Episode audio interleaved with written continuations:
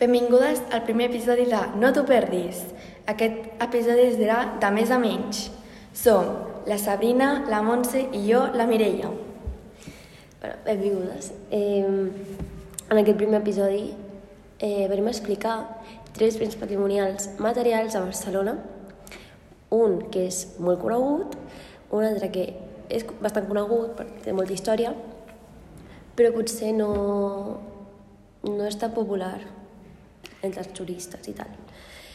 I un últim que jo crec que molt poca gent ho coneix i només ho coneix, ho coneix la gent del barri, d'on està i tal. Llavors, anem a fer aquí un petit recull i si us interessa doncs, esteu convidats a anar a visitar-los perquè són tres llocs molt guais que us recomanem bastant.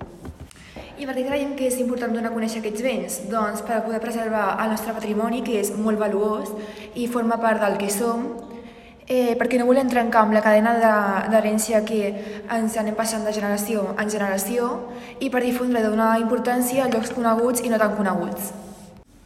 A l'edifici que hem escollit per explicar que forma part de l'Skylight de Barcelona, que és bastant important, però creiem que la gent no coneix tant, és la Torre Glòries, bueno, més coneguda com a Torre Akbar.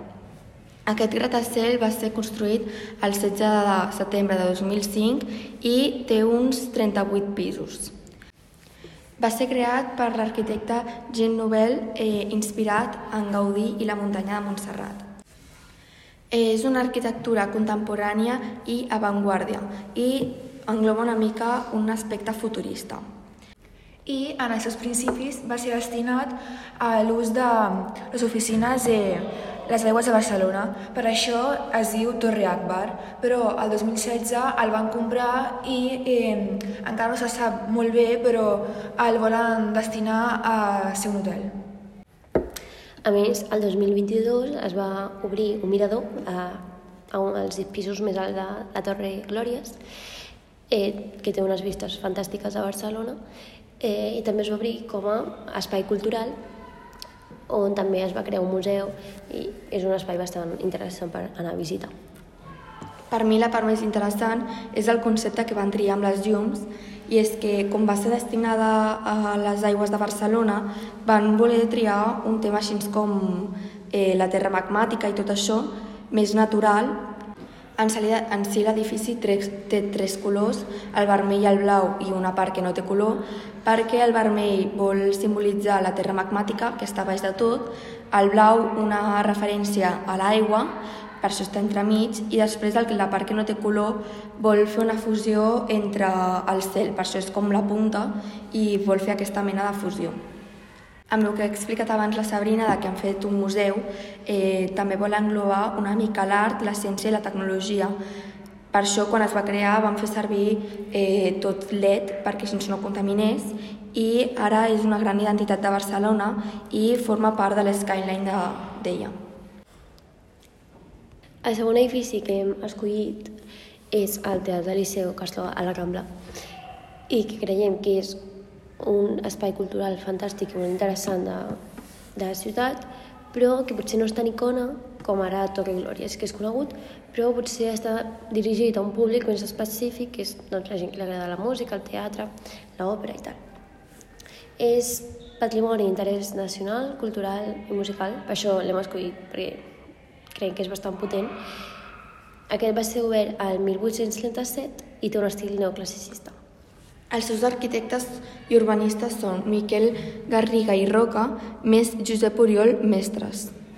Eh, aquest, es, eh, aquest edifici ha tingut bastants catàstrofes, però que ara la Montse explicarà més en específic.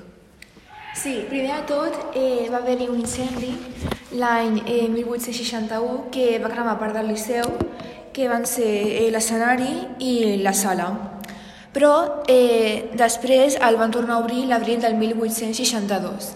Però, desafortunadament, el dia 7 de novembre de 1893 va haver-hi un atemptat amb 20 víctimes per bomba i molts ferits per part de eh, Santiago Salvador. Després eh, bueno, va, haver va estar una època en què va estar tancat, ja que l'atemptat va generar molt d'impacte per part del públic, però eh, el van tornar a obrir el 18 de gener de 1894. i eh, el 31 de gener també de 1994 va tornar a haver-hi una altra gran catàstrofe que va ser la més gran de totes, que va ser un incendi que va cremar per al complet tot el teatre. Eh, però ràpidament eh, es van posar d'acord per eh, començar les obres per tornar-lo a obrir i l'octubre de 1999 va, va, fer, o sigui, va ser l'obertura final i ja no va tornar a tancar eh, mai més.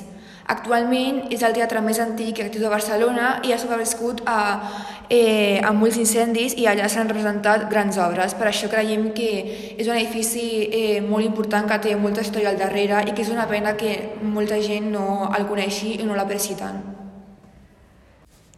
I per acabar hem escollit eh, Cael un Barcelona, que és un cafè moníssim que es troba al Cai Jueu és un espai de degustació i una botiga de dolços a doncs, l'antic barri jueu de Barcelona eh, on pots trobar rebosteria artesanal feta a monestirs i convents per monjos i monges.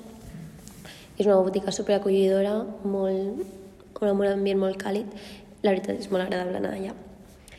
Uh, va obrir el 6 de maig de 1998, però abans, segles abans, eh, era banys jueus femenins públics eh, del qual es conserven els arcs i les parets de pedra. De pedra. El cai jueu de Barcelona, de l'època medieval, eh, es va començar a construir, es va començar a formar el 875, l'any, i al final va acabar com perdent-se a l'any 1391 i doncs aquest cafè és una de les poques peces que queden d'aquest barri no queden molt solars i doncs crec que és un espai molt interessant del qual anar que té molta història, l'ambient és supermaco i jo us ho recomano molt. És un patrimonial eh, cultural d'interès nacional i religiós de Barcelona. Ara el més important. Quan obre? Està oberta diumenge a divendres i obre de 12 a les 8 de la nit i el dissabte obre a les 12 i tanca a les 8 i mitja i és bastant fàcil d'arribar, sol agafes la L3 i ja estàs. Fins aquí l'episodi, esperem que us hagi agradat.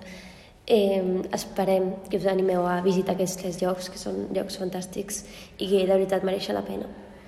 Hem explicat sobretot aquests edificis per preservar el coneixement històric i que no sols es quedin com una simple imatge. I si us heu enamorat amb aquest episodi, heu de saber que hi haurà un següent, però en aquest els béns seran immaterials i explicarem Sant Madí, el podcast La Toneta i les sardanes. Adeu!